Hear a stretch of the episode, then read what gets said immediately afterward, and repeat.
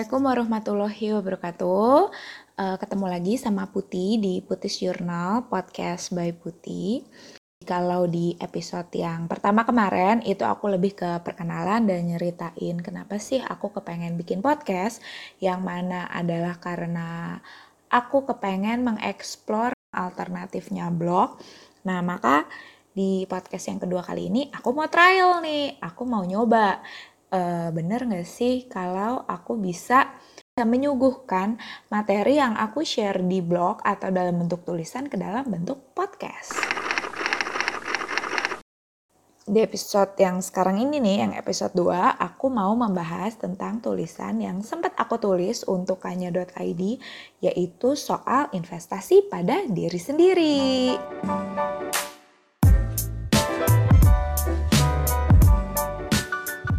Investasi pada diri sendiri. Sebenarnya kayaknya makin ke sini aku lihat tren untuk orang-orang berkesadaran melakukan investasi semakin meningkat. Ada banyak account-account yang seperti kayak Joska, sharing gimana sih investasi itu bentuknya bisa macam-macam. Uh, terus um, bedanya mana, mana yang resikonya tinggi, mana yang resikonya rendah. Dan salah satu hal yang menurut aku bagus banget adalah karena dengan memiliki kesadaran berinvestasi banyak orang yang tadinya cuman oh ya udah e, mikir buat hari ini atau liburan tahun depan sekarang jadi mulai mikir jangka panjang. Karena kan biasa nih kalau kita mau financial planning kita harus bikin yang namanya tujuan investasi. Misalnya kayak dana pendidikan anak uh, mungkin anak kita sekarang baru umur 4 tahun gitu, tapi kita harus udah mikirin sampai dana kuliahnya. Sebenarnya tujuan-tujuan seperti itu um, menurut aku sangat bikin kita memiliki arahan hidup gitu. Kita ke depannya mau ngapain sih?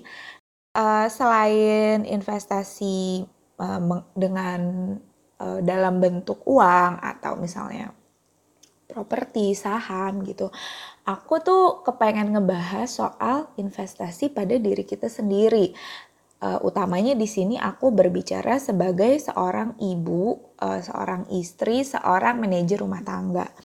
Aku itu sempat kerja, aku sempat ngantor lima tahun dan di uh, di sebuah perusahaan uh, oil and gas dan di sana aku ngerasain oh perusahaan itu mau berinvestasi uh, kepada kita seorang pegawai yang juga mungkin nggak nggak selamanya buktinya sekarang aku resign mereka mau berinvestasi kepada kita dalam bentuk ngasih training ngasih workshop yang mana tujuannya adalah untuk mengembangkan kita supaya nanti kita bisa berkontribusi dan mengembangkan perusahaan. Nah, aku suka mikir setelah aku resign uh, dan sekarang aku kerja di rumah gitu, aku nggak pernah ada training, nggak ada orang yang mau berinvestasi kepada diri aku gitu. Padahal kalau dipikir, aku sebagai ibu-ibu, aku mesti dong berkembang gitu. Hmm, jadi aku uh, aku merasa bahwa oh sebenarnya ibu-ibu tuh perlu loh untuk tetap berkembang dan berdaya dan berinvestasi pada dirinya sendiri gitu. Kalau tadi kita ngomongin tujuan finansial itu artinya kita ngebicarain rencana ke depan, ngebicarain resiko-resiko yang mungkin terjadi di kemudian hari. Misalnya kita meninggal lalu anak kita masih butuh uang sekolah kan yang seperti itu gitu. Sebenarnya berin berinvestasi pada diri sendiri menurut aku konsepnya sama. Kita sebagai perempuan juga harus memiliki backup plan gitu. Ini aku ngomong terutama untuk ibu-ibu yang kerjanya di rumah atau ibu rumah tangga sih.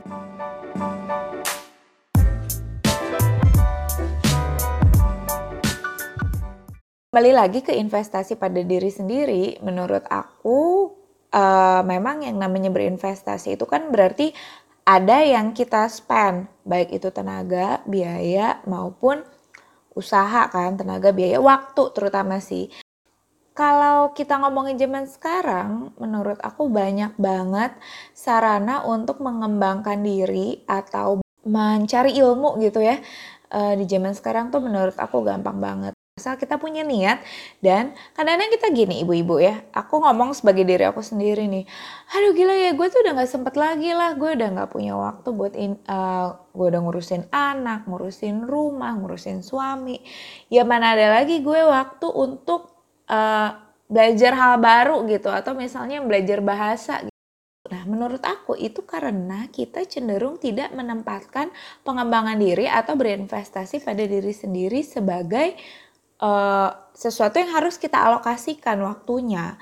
Kalau misalnya dari secara finansial nih pasti ibu-ibu udah mulai pada melek kan bahwa oh ya gue harus sisihkan sekian persen untuk investasi di masa depan. Nah kalau waktu gimana?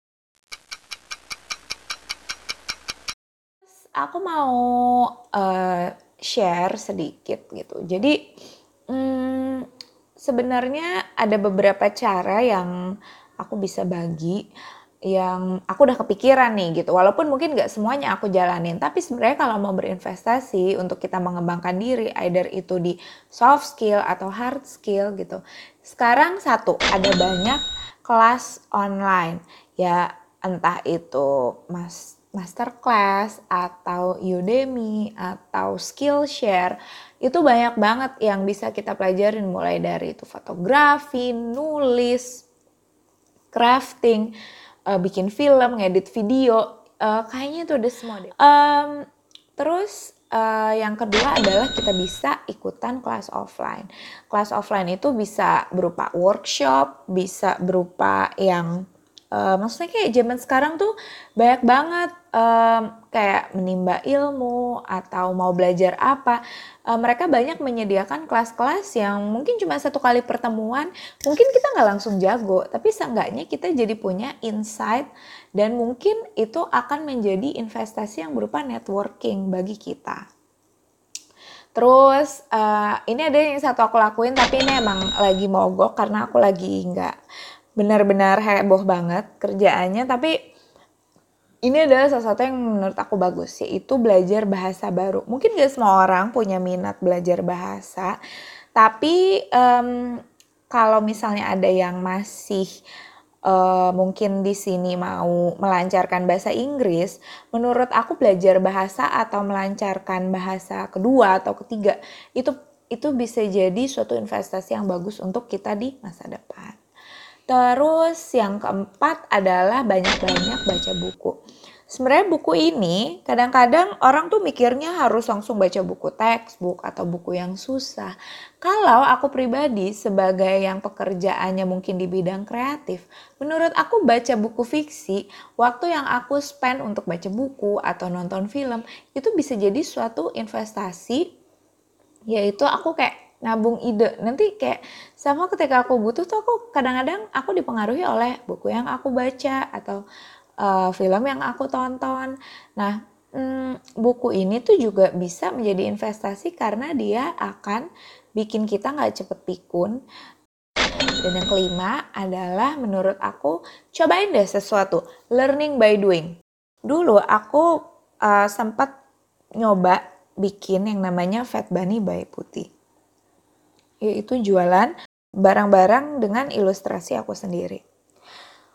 Bagi aku, aku tuh waktu di awal aku kayak cuman spend mungkin berapa juta gitu ya sebagai modal awal yang itu memang dari hasil tabungan aku.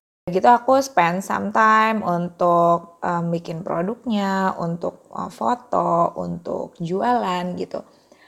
Uh, pada saat itu aku menghitung itu sebagai investasi untuk diri aku sendiri. Kenapa? Karena banyak banget hal yang bisa dipelajarin dari nyobain langsung si jualan itu sendiri. Mulai dari tentuin harga, nyari vendor, terus belajar kayak ngedesain packaging, itu semua aku pelajarin sendiri dan aku ngitungnya sebagai investasi. Jadi aku tuh di awal udah punya pikiran gini, kalau emang rugi ya udah ini investasi gue belajar. Dan menurut aku itu penting karena banyak orang di sini yang sekarang kayak mikir, oh bisnis tuh enak, bisnis tuh gampang. Padahal kalau belum dicoba, itu akan banyak banget possibility untuk gagal bahkan mungkin akhirnya akan meninggalkan hutang. Nah, kalau misalnya kita udah mulai nyoba learning by doing, spend some time, spend some money on it gitu ya, keluar biaya sedikit untuk belajar, ya kalau gagal nggak apa-apa. Menurut aku itu adalah salah satu bentuk investasi pada diri sendiri. At least, kalaupun kita belum tahu what to do, tapi dengan misalnya pun kita pernah gagal, kita tahu what not to do or what to avoid.